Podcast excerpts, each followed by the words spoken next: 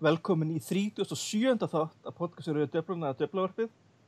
Með mér í kvöld er Björn Tvigger, Góð kvöld. Tryggvi Pál Góða kvöldi. og Haldur. Já, blessaður. Síðan við tókum um síðast þá hefur ræst heldur betur úr þessu tímabili eitt, eitt stykki Evropu deildartitill sem að er nýr titill á, í safnið sæti riðilegkettni meistaraldeldarinnar og ég hérna fari bara, hoppi bara í ústöldaleikin gegn Ajax þetta var þetta var aldrei að hættu tryggvi Nei, í rauninni ekki sko. Þetta var bara freka þægilegt. Uh, Ajax einhvern veginn bara spilaði einhvern veginn upp í hendunar okkur og hérna, svolítið leiðil til þá að United skildi ekki spila einhvern leik sem hendaði þeim en, en uh, bara uh, eins og segir leiðil til þá og þetta var bara mjög fínt. Það var náttúrulega kannski síndi sig að það var mjög gott að fá þetta mark hjá Pogba freka snemma. Það var að gera þetta mjög þægilega og hérna við tölum um þetta í síðasta podcasti að það er einmitt væri kannski líkilætra í þessu að fá markið snemma og hérna við kannski eins og var tekið fram þannig í einhverju fæslega síðan okkar að eh, þetta leikplana Ajax var svolítið kunnulegt sko, þetta var svolítið svona Louis van Gaal-legt að þeir voru alltaf að senda milli sín fyrir fram á tegin en það kom held ég ég held að þeir hafa ekki átt eina hefna að senda ykkur inn í tegin hjá hjá hérna okkar munnum og þetta var bara bara kerkomið og hérna við skilja flott að bæta þessum til við gera þetta tímbil svona spærleira og og líka svona í ljósið alls það sem gerist þannig í mannsistir í, í síðustu viku þá er þetta bara ennþá, ennþá betra í alla staði hversu, Þetta var þetta aldrei skemmtilegt að einmitt eins og þú sagðir að þeir spiluðu upp í hendunum okkur og svo stjórin og eftir að kvart undan því einmitt að, að United hefði leiðið tilbaka sem að það var að þau vitað þó Ajax væri eh, á blaðinu beikara liða svo sem Mourinho var ekkert að fara að breyta neinu því sem hann hefði verið að gera síðustu mánuð og hann var ekkert að fara að blása til að það er það er svolítið fyndið að, að, að þegar, þegar að liðið sem tapar kvartar undan því að, að liðið sem vann hafi spilað eins og búast mátti við að þeir myndu spila í staðin fyrir að að opna sig og, og opna þannig fyrir veikleika hugsanlega veikleika hjá United. Það er einmitt það er góður lekkur þannig að nýjasta le lesefninu hjá okkur sem að, var byrt í á miðgudaginn að tengill það sem er, er rýnt svolítið í leik, leikskipulagi hjá báðan liðum í úrstæðilegum svolítið skemmtilegt fyrir leikskipulagsnörda ef einhver, einhver eitthvað eru það en þetta var bara ég reyndar er ósamála því að þetta hefur verið þægilegt og auðvelt ég var nagandi neglur frá 90. mínútu og var að hafa áhyggjur af því að heiðurskiptingi var að koma cirka mínútu og snemma en það var kannski að þegar ég var í Barcelona hennum árið þannig að maður veit alltaf hvað getur gerst sko en þetta, já, eftir á ekki þá var þetta náttúrulega aldrei hægt og, og, og hérna United lokaði rosalega vel á allt það sem Ajax var að reyna að gera. Þannig að þannig að þetta var mjög effektíft og, og bara eindislegt að sjá nýjan byggar og, og eins og allir hafa talað um eftir, eftir þetta hérna, allt stóra veðmáli hjá Jose Mourinho gekk upp. Við erum komin í meistarætildin að beintin í reylakefni sem er raun og veru jafn gott og þriðasætið og með stóran skínandi fallega byggar alveg byggar ekki hypotetiska vengar byggar þannig að þetta, þetta gekk allt upp og, og gerir tímabilið þó nokkuð skemmtilegra þó að og eins og hefur komið vel fram í, í þessari tveggjakreina yfirferð sem við byrtum á síðan í vikunni að, að við erum ekkert ánæðir þannig séð yfir tímabilið. Það verið gríðarlega vonbröð marga, marga lund og, og hérna við, það er alltaf verið að stuðningmannan að liða á Twitter bæði enskir og íslenskir hafa eitthvað verið að reyna að skjóta það að, að hérna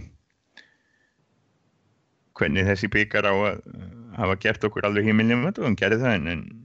það blindar engan fyrir því sem var að gerast í þessa nýju mánuði þannig að við tökum bara það góða með því slæma og vitum að næsta, næsta vetur þá höfum við öll takkifæri sem við þurfum til að til að spila fólkbólta og, og til að verða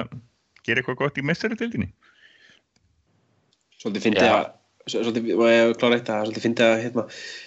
að stundismenn annar liðið sér eitthvað að skjóta okkur því ég held að öll þessi lið sem lendu hérna í öðru til þriða til fjóra seti hefðu öruglega skipt því út fyrir að vinna hennan titil sem hefðu runni skilan sem niðurstöðin er samt byggar sko þannig að þetta er, Eru kannski ekki skipt spilamennskunni, ég skil það nú svo sem, en, nei en, en sætinu þegar upp, upp, en sætinu klálega er uppestæðið. Það er það sem við munum, munum muna, sko. og það er svo með ekki tóttir minnst á það að þeir, þeir stöðning með United sem voru í Stokkólmi og voru á leiknum, það er náttúrulega, sko það, það gleymist ekki og það er einmitt það sem maður sé svolítið mikið munin á, munin á sérstaklega tísturum sem eru, sem fara á leiki og öðrum sem eins og við sem horfum mest í sjónvarpinu, að þeir sem fara á leiki og fara á byggarústita leiki þeir, eða þau, þau, þau bara tala um, sko, vinnum, vinnum dollur, sko, það er ekki Já. það er ekki Það- þá að dollur, ég vil meira segja ekki dilda byggja dolluna, það er bara day out at Wembley og, og, og vinna dollu, það er það er eins og með tóttina stundismenn sko að hérna nú er liðið þeirra að spila örgulega besta fótbolta sem þeir hafa upplegað í mjög langan tíma skilur en, en, en og ég held að hef síðan tvö tímbil sem þeir búin að fá samlagt flest stígin en í rauninni ekki til þess að sína fyrir það sko og þú veist eftir 30 ár þá mun ekki nokkuð maður mun og þannig sé eftir þessum tveim tímbilum bara verða bara glemt og grafin nema tóttinam sjálfur. já, Hve- Hversu mikilvægt var það í þessum leik að, hana, að Pól Pogba skuli skora marki sem að svona gefur okkur smá öryggist nefni í leiknum haldur? Það er alltaf skipti, skipti gríðan miklu móli en eh, mér veist, einmitt, það að hlusta á bæði leikmenn Ajax og þjálfara en, en ekkert síður stuðnismenn annar liða að reyna svona að gera lítið úr, úr framistöðunni, það er á meðal þessu marki að hérna ég held að eh, nánast allir Ajax menn, bæði leikmenn og stjóri sem, sem hafi farið við til eftir leikin hafi talað um að hérna, United hafi fengið einhvers konar hefnismark sem að hérna sko ég get ekki, ekki tekið undir það nema hluta til af því að þetta kemur upp úr bara mjög góðri hápressu. Það var eh, sko svona leikplani hjá United var ekkit það mikið að pressa hátt upp á völlin en þeir gerðu það mjög markvist þarna. Þetta kemur sérst það er í rauninni aukaspilna og það eru allir hái leikmennir í rauninni bara eiginlega allir United leikmennir eru frammi og það ná ekki að nýta sér aukaspilnuna Herrera ætlar að gefa út að kant og gefur, sérst, það kemur einkast þarna bara við hotfánan hjá Ajax. Og þá fara menn, maður sér bara til dæmis uh, Fellaini og fleiri, þeir bara segja að við ætlum að pressa og þeir hérna þeir bara press, veist, þeir gefa í rauninni bolt, gæjanum sem að er að taka einkastið engan séns, þú veist, er, við erum að tala um það að veist, hann tekur, tekur einkastið og Juan Mata vinnur skallaboltan gefur skallaboltan á Rashford fær boltan strax tilbaka, sendur hann út á Fellaini, Fellaini finnur Pogba mark, það, veist, það er ekkert heppni við þetta, vissulega þú veist, það er ákveðin heppni við það að boltin uh, hvað segir maður, að- fera varnamanni það er kannski ákveðið element en þetta er bara það sem við vorum að tala um í síðasta podcasti með markmannin að hann getur verið shaky þannig að þess vegna var það, maður sá það bæði þarna á þessu skoti, skoti sem að Valencia átti setni leiknum að þeir vissu það alveg að það var í lægi að reyna á hann markmann. Þannig að veist, þetta var bara uppleggi, þetta gekk upp og ég meina heppn og ekki meina, þú veist það má gera, reyna að gera lítið úr þessu eins og spila mennskunni en þetta bara, þetta, þetta virkaði. Þetta var bara það sem hann lagt upp með það virkaði, skilaði þessum titli og Mourinho síndi það bara enn einu sinni að hann er meistari þegar kemur að, að úrslitaleikjum. Við myndið að tala um að þú veist, liðin fyrir ofan eins og þú veist, tóttirnam sem er að spila einhvern besta bolta sem þeir að spila, þeir eru ekki búin að vinna neitt. Uh, Liverpool sem er, þú veist allir bara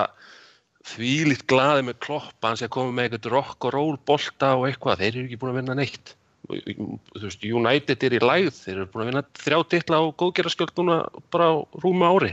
Þetta er ágæðis lægð sko.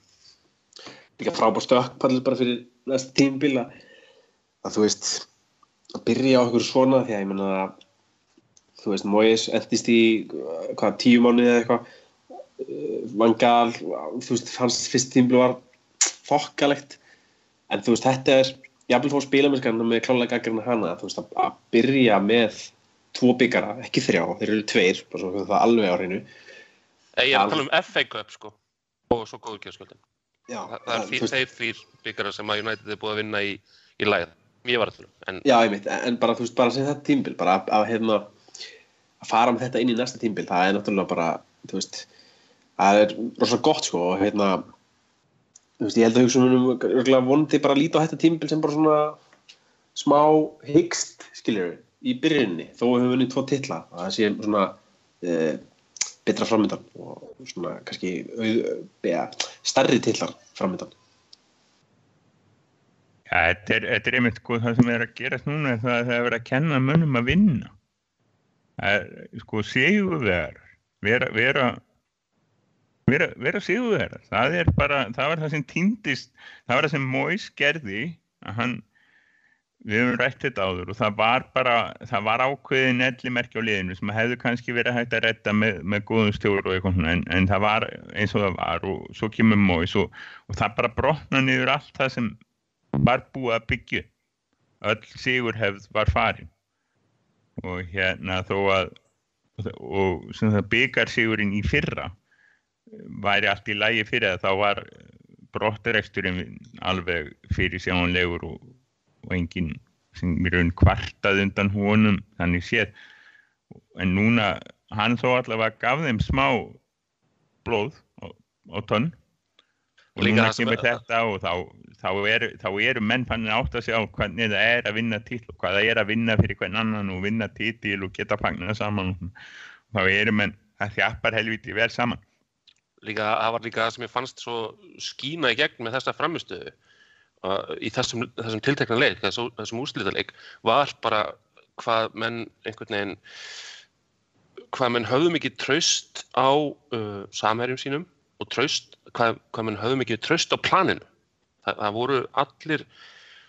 það virtust allir vita hvað er aftur að gera og það treyst allir, sko, voru allir tilbúinir til þess að bakka upp liðsfélagan og treystu í manninu við hliðan á sér. Og það er ekki eitthvað sem að maður hefur endilega fundið fyrir þegar maður er að horfa á United eftir að Ferguson hætti og, og það var í rauninni bara veist, hann, hann, lagði þennan vel frábælega upp hann, hann Mourinho og leikmennir þeir framkvæmdu það 100% og bara sjá þú veist hvað mennir voru tilbúinir að vinna og vissu það að þeir var ekkert að fara að spila einhvern blúsandi skemmtunar sóknarbólda en þeir vissu að þetta myndi líklega skila þeim titlinum af því að þeir treyst á planið og að sjá, þú veist, bara vinnu sem ég meina eins og hérna, bara sjá fella inn í, sem var komin hann að hann var eiginlega í hólunu, en samt var hann tilbúin að vera allstaðar og Herrera líka, Pog- Pogba og Herrera voru oft svona þú veist, voru komni kannski að leysa af blindið að smóling í, í, hérna, í varnalínunni ef að þeir þurfti að elda sína menn og bara, þeir gerðu það bara og þeir treystu því bara þetta er það sem við þurfum að gera og þetta er bara það sem við ætlum að gera til þess að vinna leikin. og þetta kristallast líka í, þú veist, framustöðu kannski helst held ég hjá Smalling og, og Darmian sem hafa nú svona kannski verið Smalling hefur nú verið svona tölur að lægð og Darmian einhvern veginn þú veist, aldrei lúkað eitthvað sérstaklega tröst verður en þessi tvei leikmenn áttu bara fanta leik þetta Darmian hafði klálega átt sem besta leik í United-treyju þarna og hérna og Smalling var virkilega öflur og töluðum mikið um í síðasta podcasti um hann Kasper Dolberg þú veist, hann kom ekki við bolta fyrir eh, eftir 80 myndur þegar þeir Ajax byrjaði aftur þegar Pogba skoraði. Og þú veist, Smalling og Blind voru bara með hennar félaga gjörsamlega í vasanum. Já, þetta var, þetta, þetta var svo vel uppsett hjá Mourinho að að hann, hann náði sko að nulla út veikleika þessar tveggja manna í hjarta varnarinnar og láta þá fókusur á bara styrkleika þegar blind var rosa mikið í að lesa sendingar og komast inn í sendingar áður en að þær náðu uh, til dæmis á Dolberg. Það er það sem hann gerir mjög vel. Og, sm og maður Smalling var að vinna hann var að vinna gríðarlega marga skallabolta og hérna blokkera uh, skot og sendingar og svo bara dundra hann fram hann var með, þú veist, hann var með eitthvað 50% þú veist, sendingar hlutall en það var að því hann, hann, hann var ekkert að senda, hann var bara að dundra fram. Og ég meina, þú veist e- þetta er, já, eins og við vorum að tala um á hann að hérna, þú veist, greið Ajax að United spilaði ekki þannig að það hendaði þeim. Að vera, þú veist, eins og þannig að sjöni þegar hann var að væla eftir leikin um það já, að United hafi bara sendt langan bolt á Fellaini að þú veist basically spila bara yfir hápressun á, hjá Ajax og þá höfðu þeir ekkert annað, þeir höfðu ekki neitt, neitt plan B. Og ég meina, ef þú ert með mannið sem ferla eini sem vinnur 15 skallabólta í leik þá auðvitað er þú veist, augljósi kosturinn bara, hei, í staðin fyrir að vera að reyna að spila boltanum, fá okkur hápressu sem að li- hitt liðið er rosalega gott í, þá sendu bara yfir hápressuna á mannin sem að vinnur alla skalla, skallabólta eða tekur hann á brjóskassan og átti þátt, mjög stóran þátt í báðum mörkunum þannig að þetta er mjög augljóst sko. Það var svona klassíst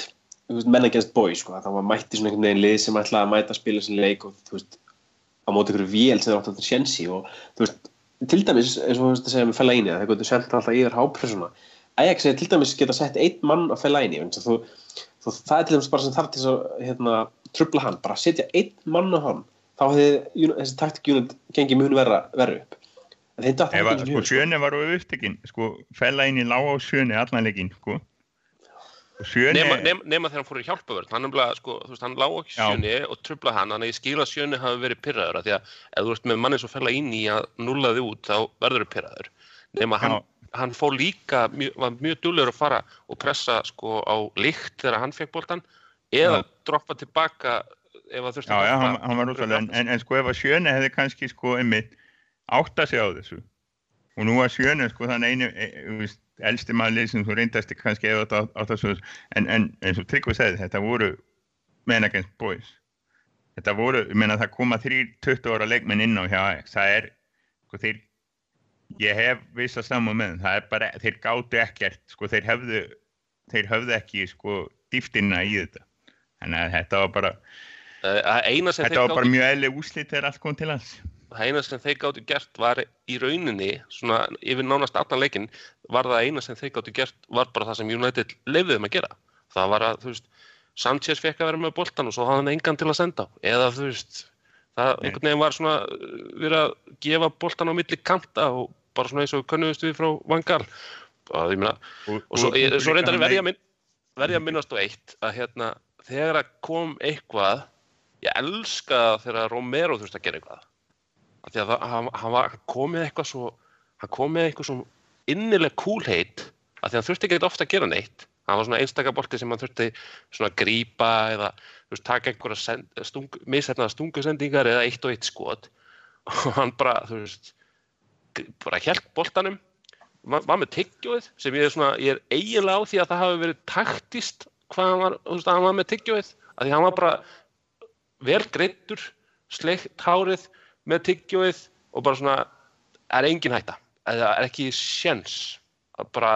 yfirvegur og svalur og hérna ég bara hjælt alltaf boltanum alveg bara eins lengi og hann gat. Það var, ég veit ekki, það var bara eitthvað við það. Alltaf þegar maður sá hann fá boltan var bara, já, er, þá var maður bara svona rólegur og öruggur og ég held að hafi ángríns smita út frá sér ekki bara hjá leikmönnum United, það heldur líka hjá þessum ungu fjörkum hjá Ajax Já, klálega, þetta, þetta bara, þessi, leik, þessi leikur gekk bara alveg, alveg fullkomna, fullkomna upp og, og gríðarlega gaman úr þetta og gríðarlega ánægilegt í lókin.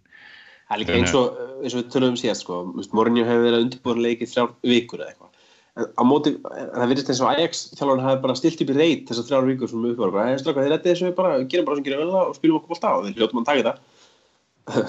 bara svona virkar ekki alveg svona í þessum öðrum bólta. Á þessu leveli allavega. Nei, þetta er náttúrulega reynsluleysið sem að við vorum að tala um fyrir leikin að gæti hjálpa okkur í svona leik. En þarna,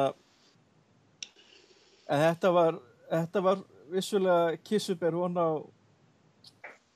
enga, ekkert sérstak tímabil, en þarna, ef við fengum hérna, sagt, spurningu hérna á síðunni og við náttúrulega viljum allt gera fyrir lesendur okkar. Og hann Hannes spyr hérna hver finnst ykkur staðan verið hjá Antoni Marcial og svo vætir hann við að hann hefði vissulega viljað að skorað meir í vetur en sé hins vegar ungur og, og hafi oft sínt skemmtilega takta. Uh, Björn, þú ert með lið hérna sem þú verður að taka yfir sem að meðal annars svara þessari spurningu Hannesar, viltu ekki bara take it away? Já, það var þannig að við vorum hérna reistur á spjall fyrir, uh, já, cirka þrjá vikum síðan, rétt fyrir lók tímabils. Vorum, að, vorum einmitt að hugsa um hópin og hvað náttúrulega með hluta til með, með tillit til þess, hvað við styrkja hann og annað slíkt og, og við eh, einfallega svöruðum þeirri spurningu hvað okkur finnist um leikmennina í hóknum eins og þeir hafa verið í vettur og tókum það saman og allir reistur að gáði leikmennum einhvern sem að byggðist á því hvort að þeir teldu að maðurinn væri byrjunarleismæður eða fasta maður í mistaraliði hvort að maðurinn væri tækur í hóp í svoleiðisliði sem inn í mistaratitil eða hvort að, hvort að leikmæður hérna ætti ekki heima í hóp til að vinna mistar og hérna ég tók þetta allt saman og, og beitti tölfræðiransóknum og, og meðaltölum og öðru slíku og, og við fengum upp mynd sem við byrtum á síðinu með þessu podcasti. Og hún er stílið í sér öll hún sýnir einfallega græn, græn gul og, og rauð rauða deppla hjá hverjum leikmanni. Þar sem að grænt því er að, að eitt grænt blettur því er að rítur í gáunum bestu einhvern. Gulur því er að leikmannir sé góður í hóp í liði sem er að keppa mestaratill og vinna mestaratill og raukt er raukt spjald og síðan rauðum þessu niður og þessir, þessir ekki ræða eftir eittstjórum loðrétt heldur bara eftir, eftir einhvernum að og það kemur einhverjum óvart að það voru, það, það voru reyndar ekki nema fjóri leikmenn sem allir og voru samanlum að væri, væri fasta menn í mistara liði Manchester United. Það var næsta ára evantanlega vonandi. Og það voru digga bæi Pogba og Herrera kemur einhverjum óvart. Svo var eitur rittstjóri sem að leita á Henrik Mkhitaryan sem, sem ekki meirinn hóp leikmann en aðrir töldan fastamann. Juan Mata og Marcus Rashford og Antonio Valencia fengu fimm grænstig og tvö gul og, og samkvæmt töldraði úrvinnslu mín, minni þá telst að vera yfir meðaltali þannig að nægilega mikið yfir meðaltali þannig að þeir fá þeir, þessi leikmenn á sem það græna lít á sig og þeir eru átta talsins þannig að þannig að reyðþjóra verið að slíta svo á og þannig að séu allavega allavega átta topp leikmenn sem erum með. Og hérna ég held að það eru fáir sem eru ósamála því mati. Uh, síðan kemur næsti maður á lista er einmitt Antoni Marcial fjóri rýstjórar telja að það sé á hörðinni leikmaður sem á heima í fasta maður eða því sem byrjunalið maður í mistaraliði Manchester United. Þrýrriðstjórar telja hann sé einugis nógu góður sem hóttfylari það er enginn sem, vil losna við hann nema kannski á Jose Mourinho. Jose Mourinho, það verður að koma í ljós hvort að Mourinho hvort þetta hlust á tilbúð ber einhvern árangur. Það er þá að vera heldur gott tilbúð en það er sem þetta það svarar svolítið þessari spurningu að rýtstjórar eru klónari yfir Marcial heldur en flestum öðrum. Það er, það er aðeins einn annar leikmaður sem fær sem klýfur rýtstjórnstjórir þrýr hann er í neðri, neðri klassanum þannig að Marcial sko ég held, ég held að ég held að það sé bara einfallega þannig að hérna að menn hérna vita hvað hann er góður og við erum að horfa til þess að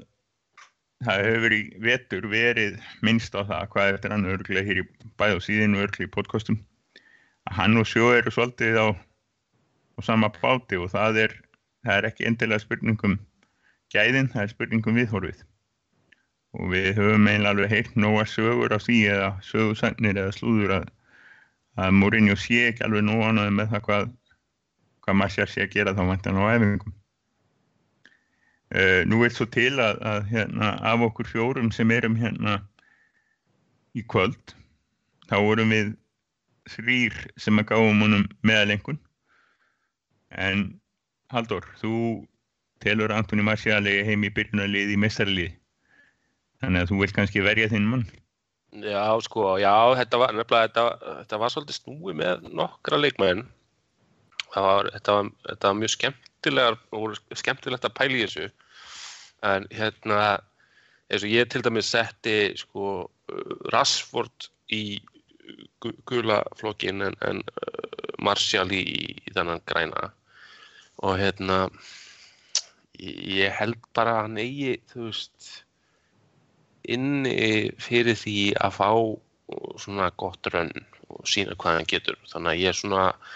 þú veist, þetta er svona, þetta er bjart sínis, eins og með Rashford þá var eirun ekki það að ég hafi ekki trúa Rashford en ég held bara að hann sé ennþá of ungur þannig að ég myndi freka vilja hafa hann sem svona hvað segir maður, svona hérna mikið notaðan rotation spilara. En, en Martial sem þá kannski svona þótt hann sé vissilega ungu líka þá svona kannski er þetta svona áskegju einhvern veginn að gefa upp og það bara stýi rækilega upp og, hérna sýnið það hann í heima í sérst, þessu liði sem þá svona fastamæður og hérna ég, ég held að hann geti það alveg en ég, svona, ég veit ekki hvað svo bjart sitt maður á að vera á svona hvað Mourinho finnst um hann samt. Sérstaklega ekki með þessar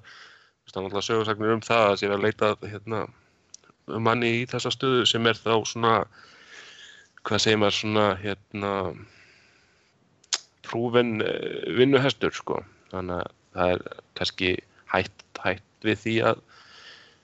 að hérna, sá maður fái þá að spila meira heldur en Marcial en já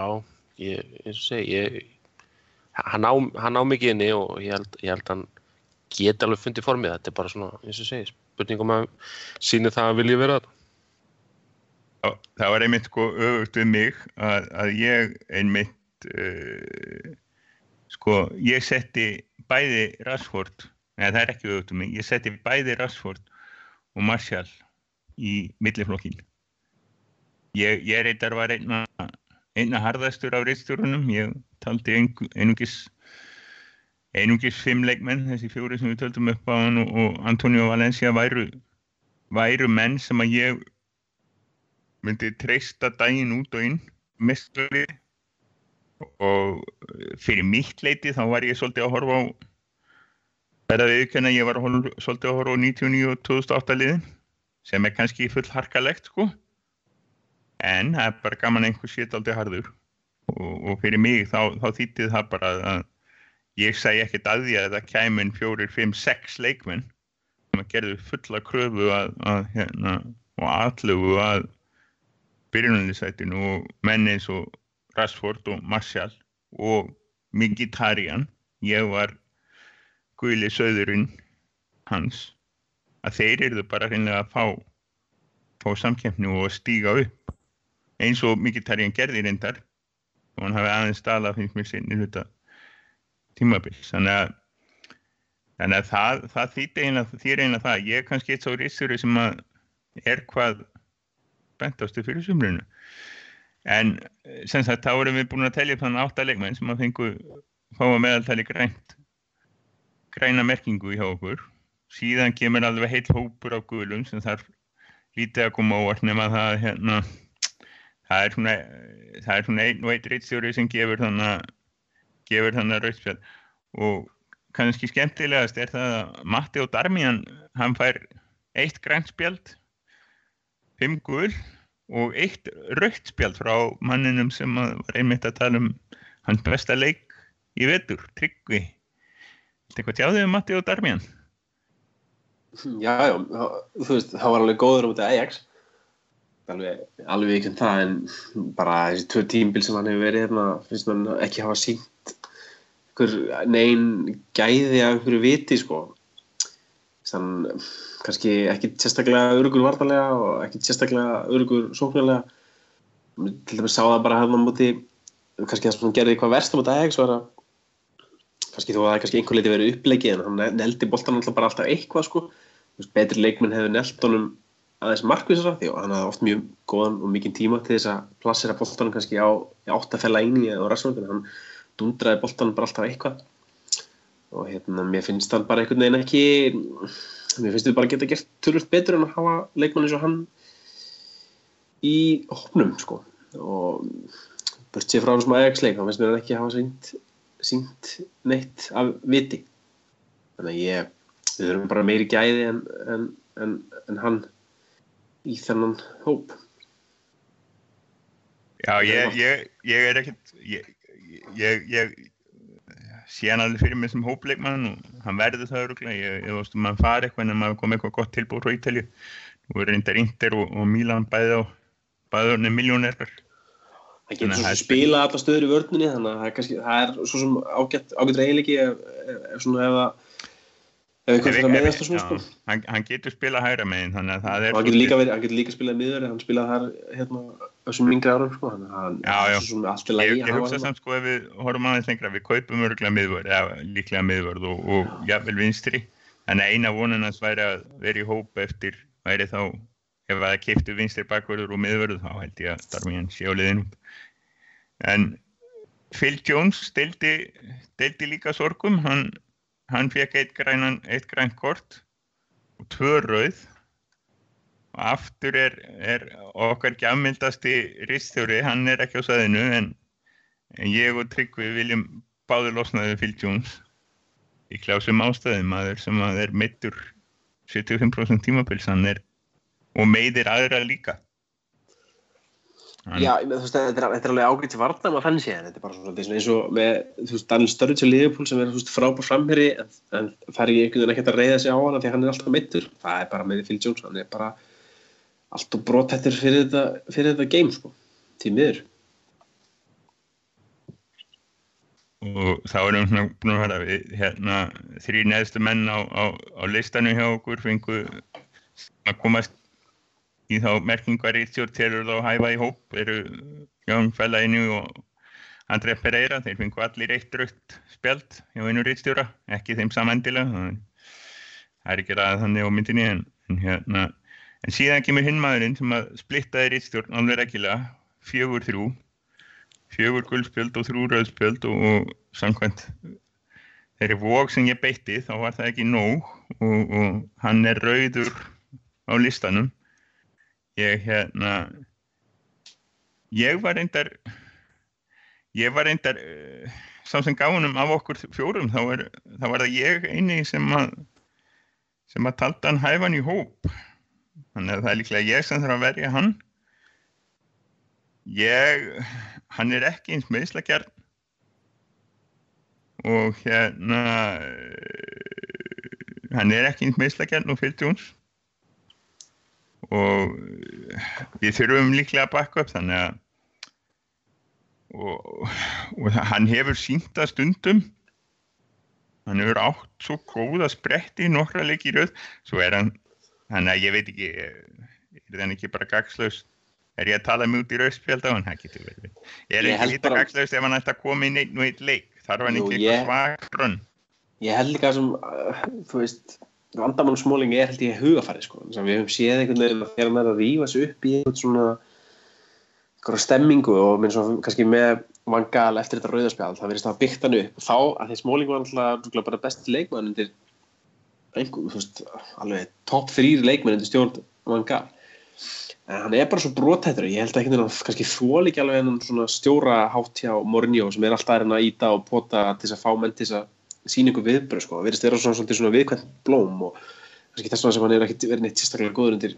stjórn Mourinho. Ég held bara að við getum alveg leift okkar að kaupa betri miðverði en bæði hann og, og Phil Jones þess að hafa þessum hóp. Ég held við sem allir saman um það. Svo, svo er rúnum að þessa umræðu og, og hérna þá eru fjóri leikmenn sem að fá allir uh, fimm rauðspjöld hjá okkur og, og hérna eða fjóri hjá okkur og, og hérna sjö hjá rýstjörum það eru Guillermo Varela Borsig Jackson og, og hérna, James Wilson sem allir verið á láni vettur ja, Varela og CPJ verið á láni Wilson verið meittur þetta er allt búið. Janúsa er ekkert að koma tilbaka þó eitt rittstjóri myndi alveg vilja hafa hann í hóp og svo þetta Vein Rúni sem fær alveg raukt á línuna. Það vil engin rittstjóri sjá hann næsta vetur. Það hann er bara bara búinn sko. Það hann er bara búinn við það bara sko. hann fær, hann fær, hann var, hann var gríða gott tribut hjá okkur ef, að, ef og þegar hann fer frá okkur í sumar en ég held að þetta hafi bara verið fín endapunktur hjá honum að fá að lifta þessum titli og hérna, veist, Alveg. en, en kveðja eða enda á, á hérna, jákvæða nótunum og, og, og svo bara já, ég finna, þú veist óskum hann bara góð skengis þú veist, Já, búin að vera stórkostlegur fyrir þetta félag og frábæran fyrir unni allt bókstala sem hægt er að vinna fyrir félagið. Já, það er, það er bara, þeir eru tveir sem hafa gert það englendingarnir og hann og Karek og Mér finnst þetta eitt með Rooney, kannski svona undanfærin, bara ef við tökum þessi ár sem hann hefur verið uh, frá því að Ferguson hætti, sko, þú veist, hann hefur náttúrulega, hefur hann ekkert verið neitt sérstaklega góður á þessum tímabyrjum, kannski ekki drekkan lið, en, en svona, þú veist, vangal veðjaði á hann og hérna, þekk það kannski pín í bakið, en náttúrulega sumaði ára Moist tók við, þá ætlaði Ferguson náttúrulega að losa sér við hann, það sína náttúrulega bara hvað Ferguson var ríkarlega naskur og allt svona, það var bara búin að sjá það fyrir að að Wayne Rooney væri basically búinn og var í rauninni tilbúin til að losa sig við einu þannig sér stórstjörnuna sem var eftir í hópnum til þess að búa til nýtt lið aftur, svo náttúrulega hættan kannski, og Mois ákvaða veði á hann, en mér finnst þetta, þetta er svo sýnir bara hvað Ferguson var ríkarlega einhvern veginn, bara gjössalega með þetta sko. hann vissi þetta, ég meina eins og veist, þetta, það sem bara hefur verið að koma í ljós, þetta er líkamstýpan, þetta er álægið, hann er engin, hann er engin ræðan gík sjókastjarnar hérna hlaupandi, breytandi sér og, og fara úr því að vera fljúandi kantmaður yfir í að vera naskur eitthvað, Rúni var aldrei að fara að gera það, það er ekki eftir hann, hann,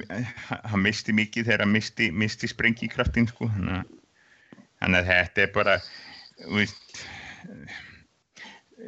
það er, það er einn grein hann í nýjasta lesinnispakkanum um, um hvað Jöppi gerði rámt í vetur. Og hún er mitt renni yfir tímabilið og, og hann var aðeins og lengi að setja Rúni út úr liðinu. Var spurning hvort það hefði samt einhvern veginn annar verið hægt einhverju. þannig sé sko. Já, eða breytt einhverju vegna þess að, þú veist, hann gerði þetta mjög fagmannlega hann einhvern veginn spilaði hann fyrst sá allir að þetta var ekki alveg að ganga en hann hafði þá afsökun til þess að þú veist svona ítur mút já, já, þannig ég hugsa að hann bara spilað þetta í rauninni að þetta var, þetta var þú veist, þetta okkar lit og þú veist svona stærsta nafni í hópnum ef hann hefði, ef það hann hefði hlaup. ekki byrjað með hann sko, ef hann hefði ekkert spilað með hann frá upphafi það hefði Já. verið, þá hefði allt farið að snúast um það Akkur, á sama tíma var hann að íta svænstakir út af fekka brútal hátt sko. og leiðilt að vera að fara einhver tvo slægi um þetta, sérstaklega um Vein Rúni sem náttúrulega var þessum hvað, einu, einu var ekki frá tveim mörgum frá þessu markamenti þegar tím byrjaði eitthvað sliðis Jú, var Það ægilega lengi að ná því sko. Já, en mér finnst Fjekk síðan sá sénsa sem hann og tók þá ágætlega menn það var Já. glæsilegt markana sem hann tók markametti á. Mourinho hefði bara spilað þetta spil eiginlega bara fullkóla smá? Ja, þetta var bara mjög, mjög þannig að við erum með cirka 24 manna hóp af þeim telja rítstjórar áttamenn vera toppbyrjunarleismenn aðrir, aðrir eh, 12 eru, eru menn í hóp það er líka eitt aðtilsett sem, sem kemur út úr þessum áttamanna lista af, af þessum græna sko, að, að þarna kemur í ljós að okkur alltaf hvað, okkur alltaf er bakvörð, okkur alltaf er miðvörð, okkur alltaf er eh, einn kantmann, einn miðmann og einn sóknumann. Bjössi, er þetta ekki bara innköpa listin síðustu ára? Jú, jú, reyndar sko, það er spurning, það er, reyndar einu uppáhaldsgreinu minn sem ég skrifaði á Rauðu djöflunum síðust árið, það var sami yngöpalistin í sjö ár. Já. Hann reyndar buffaðist aldrei vel upp sko, vegna þess að við keiftum jú miðjumann, við keiftum jú kantmann, við keiftum jú sendir og við, við, við keiftum miðvörð. Vill bara svo til að við þurfum annan miðvörð við, til, við þurfum annan miðjumann til og sendirinn eh, sem reyndar við komum ekki inn á vegna þess að þetta var eftir að Slatan eftir að Slatan mittist og, og hérna við e- vitum ekkert ennþá hvar hann endar hvar hann hefur nættist að næsta Nei, vitur Var ekki dag mínur ræðalega umbúrsmann sem segja að hann vildi vera áfram hjá Jú. Það voru mjög alveg- skemmtilegar mjög skemmtilegar umræður um það sko, hvað væri á bak við það Já. Og hérna meðal annars sko, hvort að Ræjóla hefði verið að sjoppa hann eitthvað í kring og vist ekki fengið neina takers? Nei, hérna, myndi- United vill hann örgla tilbaka bara, þeir mun örgla að spila þetta hardból á laun og, og tekjur og annað slíkt sko. Já, ég myndi alveg taka hann hérna, hann er meittur fram í janúar, þú veist, frábær í hópnum, allir tala útrúlega vel um hann hann har haft góð áhrif og svo kemur hann inn svona, þú veist, einhvern veginn sem svona kannski sem ég var að skefa í janúar og til þess að hafa inn að bekknum og inn í hóp. Ég, veri, ef hann er til í það, Já, janúar, ég veit ekki með það með að við nýjastu Instagram fæsluna þá, Já, hann er alltaf með bestan fyrir í mannkið sögunni Já, mér, mér sýnist að vera bara tilbúin í undirbúinistímabilið sko. ég, ég, ég, ég við, við, Allir á hækjum að það í ústættareiknum um hann og Við þurfum eiginlega að fá lækni með í næsta podcast til að ræða þetta aðeins betur sko. en annars er að er, er fréttir að þetta inn bara núna fyrir augun á okkur að, að James Ducker á, á Telegraph sem er einn af þeim tröstastu United bladamönnum hann er að segja að Zlatan sé að fara í viðröður þannig að við United. Þannig að þetta geti en eins og ég segi við erum ekki að fara borgunum 360.000 pund á mánuði sko fram í janúar. en, en það er líka þarf þessi en það er svona svo lógist fyrir hann að vilja að vera áfram í United þannig að ég meina ef við bara gefum okkur það sem mittir fram í janúar þá er þetta sé alltaf Zlatan að vera rauglega fyrir að fætur sko þú veist ég meina hvert gæti hann farið á þessum tímupunkti þú veist, það meika miklu meira senn fyrir hann að vera bara áfram United, fá að æfa með félaginu og, gera sér hann er búin að koma sér inn í klubin að þekkja hann allir. Eins og þú segir, hann er frábæri hóp og við veist að fíla hann allir að við veist, Rashford elskar hann allt þetta, þetta, þetta meikar algjörðansens hann, við veist, ef hann ætlar að annar borða að vera eitthvað áfram í fólkból þá ætti hann alltaf bara að vera hjá United. Kanski, ég, ef ég á að gíska myndi mér alveg finnast líklegt að þetta endi á því að hann hérna kannski framlengir ekki í United æfisamt með hérna, okkar mönnum. Og svo ef hann er í standi kannski færa hann hálsa samlingi í januar kemur ekki óvart, það enda svo leys Já, það er eitthvað þannig. Það væri náttúrulega geggjaða liðstyrkur á þessum tímapunkti í, í, sko, í, á tímabilinu að fá einhvern veginn eins og hann inn. Af því að það er náttúrulega ef að gera sem við viljum náttúrulega allir sjá að hérna, United er,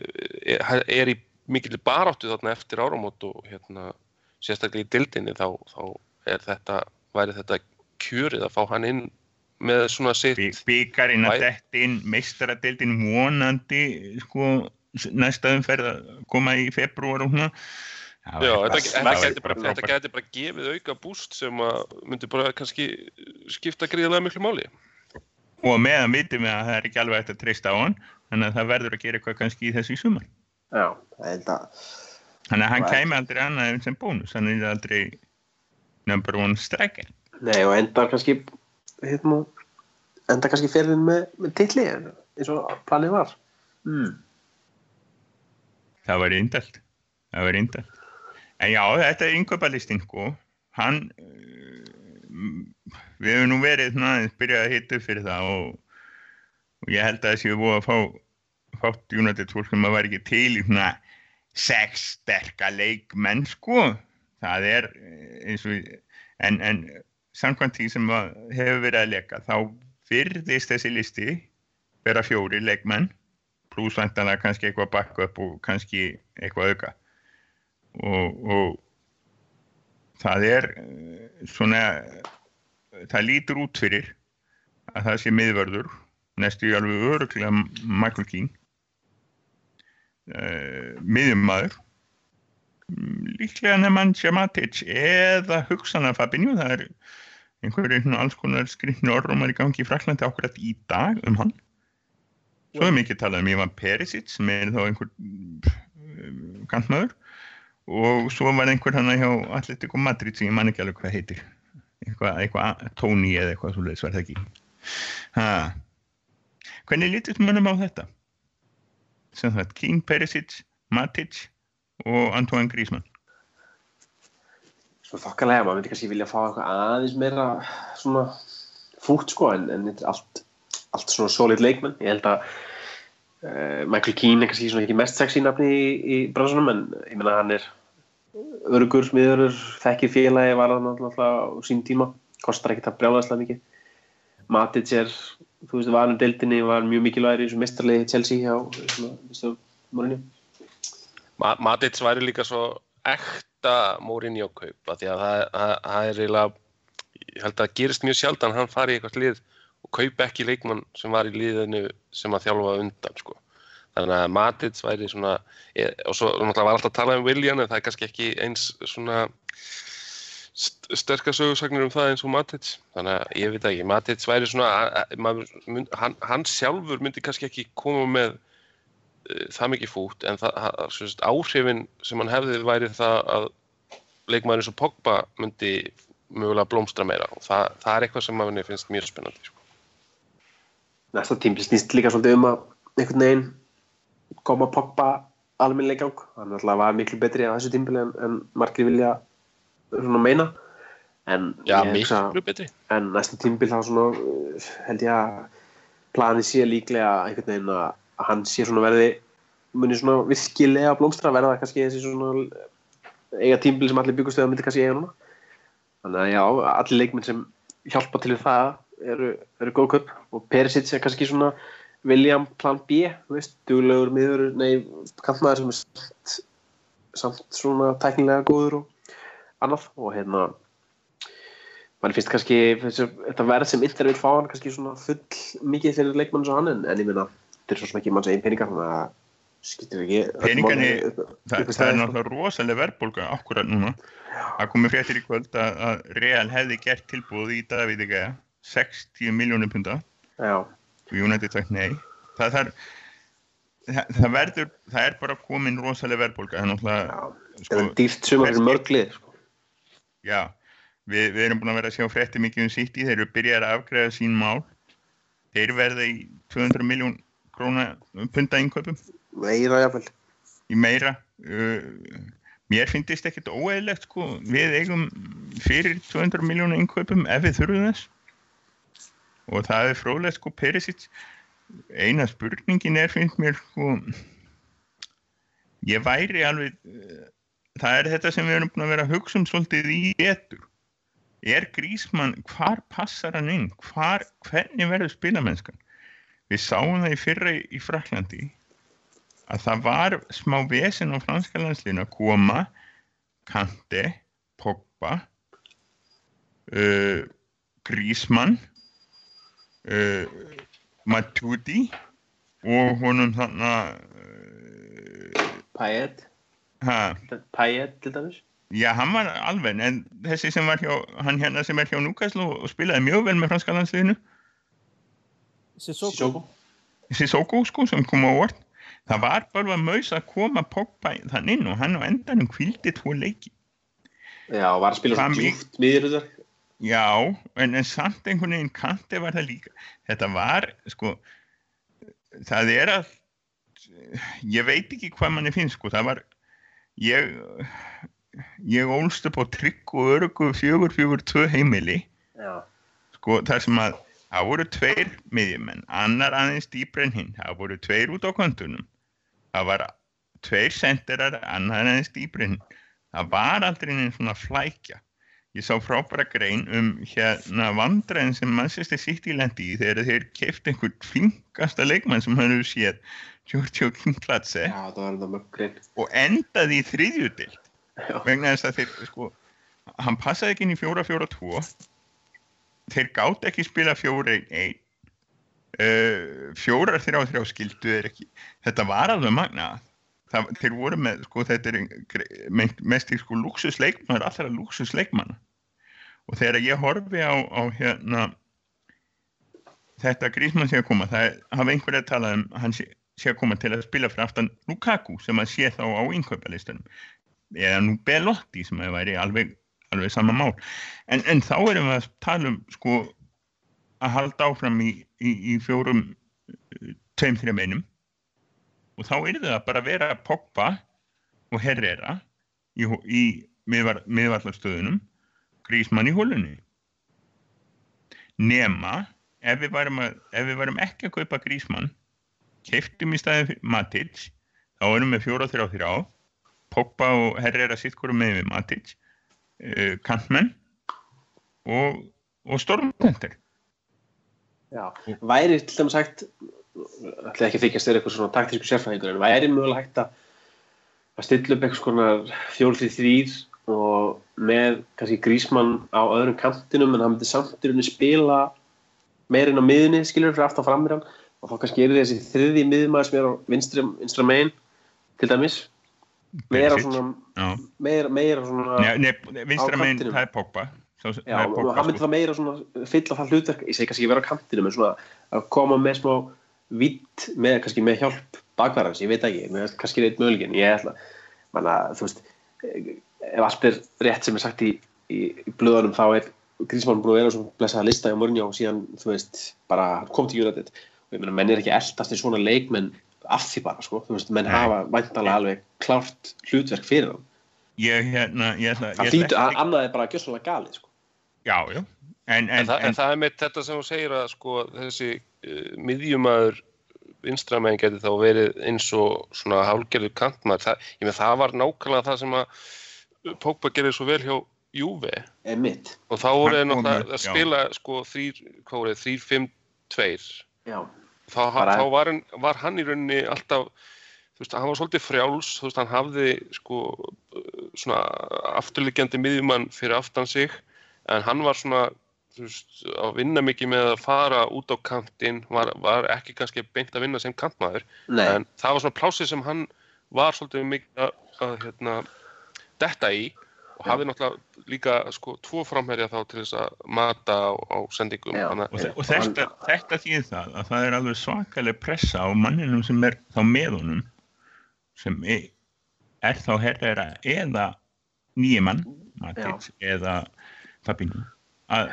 og það er eiginlega það sem að þó að sko þetta kom svolítið fram í, í uppgjörunni hjá okkur að Ander Herrera var valinn maður ásins og hann steig rosalega vel upp. Ég kaus hann ekki nummer einn ég sett hann í þriðja sæti með öðrum. Og það er einmitt af þessu af því að ég veit hvað hann er aðeinslu ég veit að þetta er, þetta er frábær liðsmaður og allt það. Þegar ég horfi á þessu uppstillingu í þessu sem þetta fjórir, tveir, þrýr, einn með þessari með þessum hrókinu, ég meina við erum búin að vera hrókir í allan veist. Kantmenninni fremri hafa verið að hrókera mata og, og Mkhitaryan hafa verið að hrókera sín á milli tíunu og, og kantinum og öllu þessu. Og það er, það er veist, að horfa eitthvað statist uh, fjórir, tveir, þrýr, einn er ekkert náttúrulega meikar engan aðeinslega sens. En samt í fjórir, tveir, þrýr, einn með Pogba og Herrera saman. Þegar að til að hleypa Pogba upp að til að hleypa Grísmann þvert þá þarf Herrera að að vera opbóðslegur vinnunahestur sem hann er. En er hann já, en, en svo náttúrulega þess að segja með, veist, er, hann- er, er hann er hann, er hann svona mikil sko, er hann komin á það stíg að geta getið miðjun og svona rosalega? Ég veit ekki, en náttúrulega er, þetta þetta er ekki svona fútbolmannsir þegar maður stillir upp í 4-3 og Nei, er nei. bara þannig út allt tímbili, maður, þú veist, þetta er alltaf mismöndi uppstillingar eftir mismöndi leikjum, sum leikjum hendar er 4-3, sum hendar er 4-4-2, jafnvel, 3-4-3, þannig að þú veist, e, þú veist, jafnvel þá Grísmann, svona við fyrstu sín hendi ekki auðvitað eitthvað eitt kerfi, hann gefur hann liðinu vantarlega mjög mikla valmöguleika gegn bara hinn ymsu liðum og það er það sem við erum að tala um að það vantar einmitt meiri gæði bara heilt yfir í hópin bara svona til þess að geta einhvern veginn stilt liðin upp og aðeins fjölbreyttra hátt á þess að það komi niður á gæðinu sem alltaf vantaði klálega á þessu tímbili sem einhvern veginn þurfti alltaf að stilla upp sama liði til þess að halda uppi uppi hérna uppi gæðunum. En að ég veit ekki, þú veist ef við fáum Matic eða Matuidi þú veist að geta stilt upp miðja þessum Matic eða mögulega Herrera eru svona djúpir og, og svo ertu með Matuidi eða eitthvað sem djöblast út um allan völl og svo Pogba í svona frjáls og sóknuluturki þetta gangi upp alveg í flestum leikjum svo kannski á stórleikjunum á þú veist, stilla upp aðeins stjættari pakka sem ennur agaðari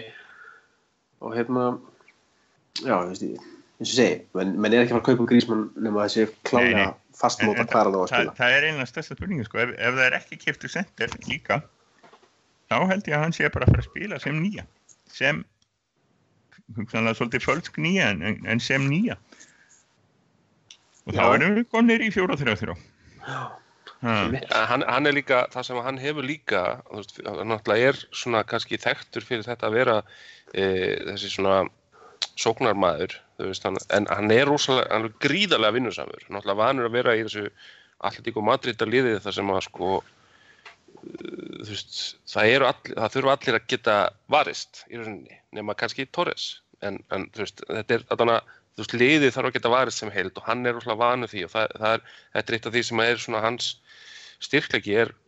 ofbóðslega vinnusemið og það náttúrulega hendar náttúrulega vel inn í lið hjá Mourinho. Og ég held að það sé líka bara að því að þú veist Mourinho, það sem að sko, Mourinho er svona góður í er að einmitt að um, hann þarf ekkert að vera með sömu uppstillingu, hann aðlaga sig af því sem að er einhvern veginn uh, framöndan eins og bara þetta að þú veist, ef það er úrslitaleikur á móti sóknar þengjandi liði þá núlar hann það bara út og hérna allir sáttið bara með byggjarinn sko. en, en, en hann getur líka skrúa það upp og tekið, tekið þá einhverja, einhvern sóknarbolt á móti og það er það bara það sem að Grísmann gefur fleiri valmöguleika hvað það var þar og þetta er líka eitt af það sem Mourinho gerir best á ferlinum, það er einmitt það koma auða á veikleikan í hópnum og laga það yfir sumatíman sko. gert Já. það hjá öllu sínu liðum að finna alltaf þá leikmenn sem hefur vantað og ég menna ef Grísmann er efstur á þeim lista þá er alltaf bara er það no brainer Já, lí- þá líka við um hina leikmennina, ég meina, er, ég er svona búin að vera, það er rosalega margir sem eru mjög svona eh, unimpressed með til dæmis Kín og jafnvel Perisic líka, er, maður svona finnur það að það, það er, er búðalega takmarkaður spenningur einhvern veginn fyrir þeim leikmennum en hérna, ég, ég veit ekki, ég held bara ef að, þú veist, Þetta að eru menn sem vinna vinnuna sína. Og það er það sem ef þú hann sem kaup- Mourinho finnst æðislegt held ég. Menn Já. sem vinna vinnuna sína. Og það er Já, það, er sem Perisic er náttúrulega sko aðeins í eittir kantinum og hérna það var náttúrulega eitt sem hann sagt um Mourinho það var eitt að verra sem hann hefur skiljað eftir sem hann skildi eftir sig háaldra lið hjá Inter að veina þess að hann laði allt í að en vann þrennuna og hérna en, en það er einmitt sko það sem maður sér hjá Perisic sko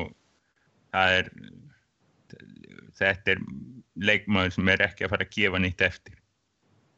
Þannig að ég held að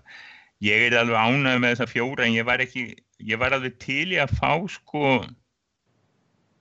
einn eða tvo svona aðeins ódýrari minna spennandi svona að börka aðeins upp hópin Vegna þess að eins og við allir þessi gullu leikmenn okkar sem við erum búin að vera að spjallum það eru betri leikmennan úti heldur en þeir flestir. Og hérna það það, það, það er alltaf leikmenn sem eiga alveg missa sínur hóknum en, en svo líka hitt sko að, að hérna við vorum með alveg rosalega þunnan hóp eftir jól og ég held að Mourinho hljóti að læra svo lítið af því. Aðeins að brjóta ótt oflæti sín og, og hætta með þetta 24 manna hóp kæftæði sitt og vera kannski taka inn þessir 18 ára strákar er að verða árunendri og svona. En allavega það er, þú veist þessi fjórir. Já, svo er náttúrulega verið að, að, að að tala um það líka að, að uh, Pereira fái nú almennilegt tækifæri allan í undirbúnstímblinu til þess að svona sanna sig. Og þar eru náttúrulega komin, komin það með leikmann sem að ef að hann dettur inn í, í aðal hópin sem að væri þá í rauninni eins og kaup þannig að sem myndi þá allan að hérna, styrkja hópin og hann meina gríðarlega spennandi leikmaður og hérna væri, ég, ég, ég, maður er allan vona að hann, fái, fái svona sjansinn uh, eitthvað í, í þegar deildin byrjar til dæmis. Algjörlega, getur líka að spila nokkra stöður þú veist, hérna, alla stöður á miðunni og, og kantstöður og líka vinstra minn allavega og Já, já, hann, hann- hann, hefur verið að spila sko, aðalega vinstra Já. eða upp eftir miðunni hann hefur spilað í rauninni alla, bara alla stöður upp kantinn nema bakverð og alla stöður upp miðjuna frá svo djúpu miðjumanni og til framherja. Já, við, við sáum það líka bara hjá nokkur leiki sem spilaði hjá veist, þetta er alveg hæfileikur ykkur leikmar og ég held að veri Já, mjög fín viðbót í en hóp sem svona kannski akkurat þessu típa leikmann sem vantaði einhver lítið sumar sem getur komið inn og hérna, ég veitur sig, getur komið inn og, og gert það sem er á honum er krafist á þess að sé eitthvað mikil mikil vesen á honum, sko, held ég. Já, algjörlega. Ég, ég svona, maður vonar bara til þess að veist, þeir fái þessir ungu eins og hann og, og hérna, Tóan Seipi og Fosso Mensa og hérna kannski ekki alveg komið tíma á þessa Angel Gómez leikmenn alveg en, en, en að þeir fái þá þú styrtabyggarinn eða eitthvað svona pínu rotation á það og þá að sé að finna líka eins og með þessi miðjum að kaupa þú veist ef að það er að finna leið til þess að þurfi ekki alltaf að nota Pogba í öllum Já. leikjum að þá væri það held ég mjög gott upp og bara halda honum ferskum þegar það kemur svona crunch time í, í hérna, vonandi þá deildar meistra barátunni eftir áramót. Það var, já þannig að eh, þetta, þetta er, en annars hérna, við vorum með fyrir nokkrum árum, þá vorum við með sérsíðu á, á hérna, á vefnum sem að við reyndum að uppfæra alltaf á og til um helsta slúður sem var að detta inn, svona fyrir þau ykkar sem er ekki á Twitter 23 og halvan tíma á sólarring að hérna, það sem við munum reyna að uppfæra uppfæra helstu, helstu fréttir og það nýjasta sem að hérna sem að við, við heyrum og, og teljum þokkalega áræðanlegt svona, ef við ge- kalla það einhvers staðar á bilinu einhvers staðar mitt á milli staðfest og, og legubílasögur það er svona við reynum að við, við reynum að fylgjast með það sem þokkalega áræðanlegir blaðamenn er að segja þó þau séu nú alltaf svolítið svolítið ósamála og það er einfallega rauðdjöflanur.is gástrík slúður. Og við hendum linka á það inn og eftir og svona en, en svo síða þar, þar, þar tökum við saman helstu leikmenn sem við erum orðum að hendin nokkrum linkum á, á þessa skemmtilegu síðu húskort sem að segir helstu statistik síðast árs og, og, og sýnir líka svona hvað leikmenn hafa verið að spila sem er afskaplega hendut fyrir okkur sem horfum ekki á fjóra til 20 leikjum hverja helgi í fimm deildum. Þannig að hérna nefn ekki að við um eftir að taka upp podcast nokkur reglulegi í suma bara alltaf að hafa ofana fyrir okkur og ykkur. En nefn ekki að enda þetta á því að heyra segið mér fjóra leikmenn sem þið viljið kaupa. Bara ég, ég skal byrja. Ég, ég vil ég vil sjá Grísmann Bellotti Ég vil sjá uh, hérna Benjamin Mendy. Og bara af því að Monaco blæti er skemmtilegt ætlum ég að segja Fabinho. Og svo það er líka vantalega hafsend líka hann að Michael Keane má koma. Við fáum hann 25% afslætti vegna þess að lið sem heitir Manchester United fær 25% að kaupa þennans Á þetta að vera raunhætt eða má þetta vera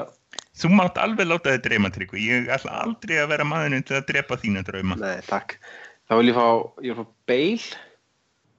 Ég vil fá, ég vil fá, ég vil fá hennan Mendy í félaga. Og ég vil fá, hmm, ég veit það ekki alveg. Ég var alveg til í,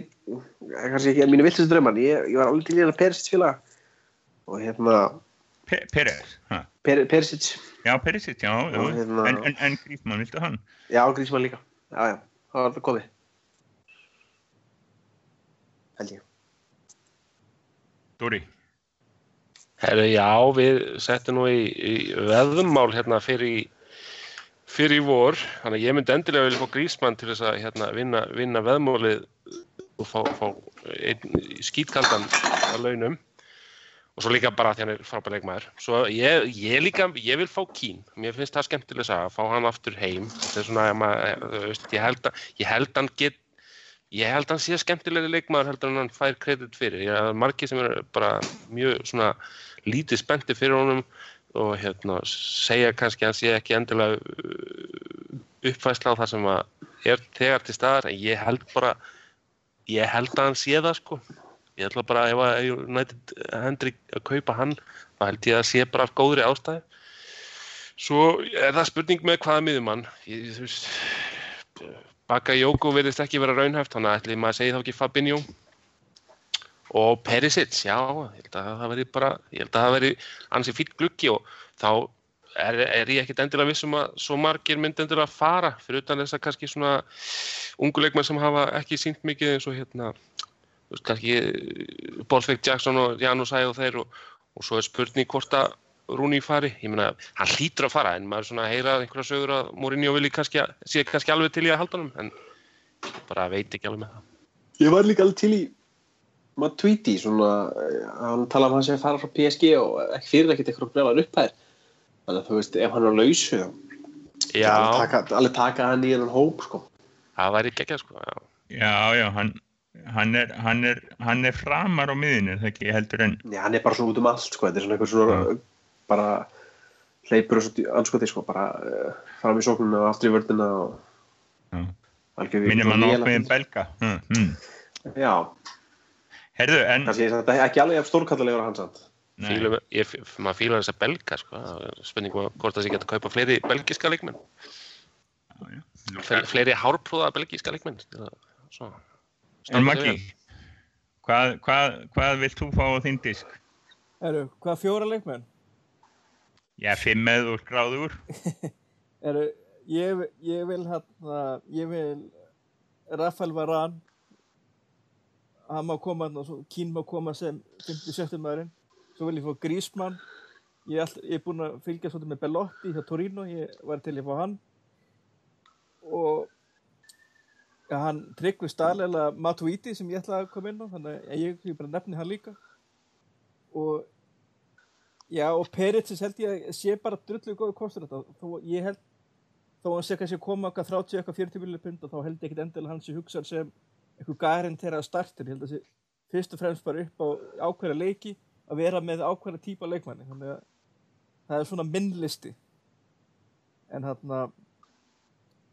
en eins og Björn þú komst inn á það þá ætlum við að reyna að taka upp bara reglulega sumum og endilega, endilega sendið inn spurningar. Hvort sem það er á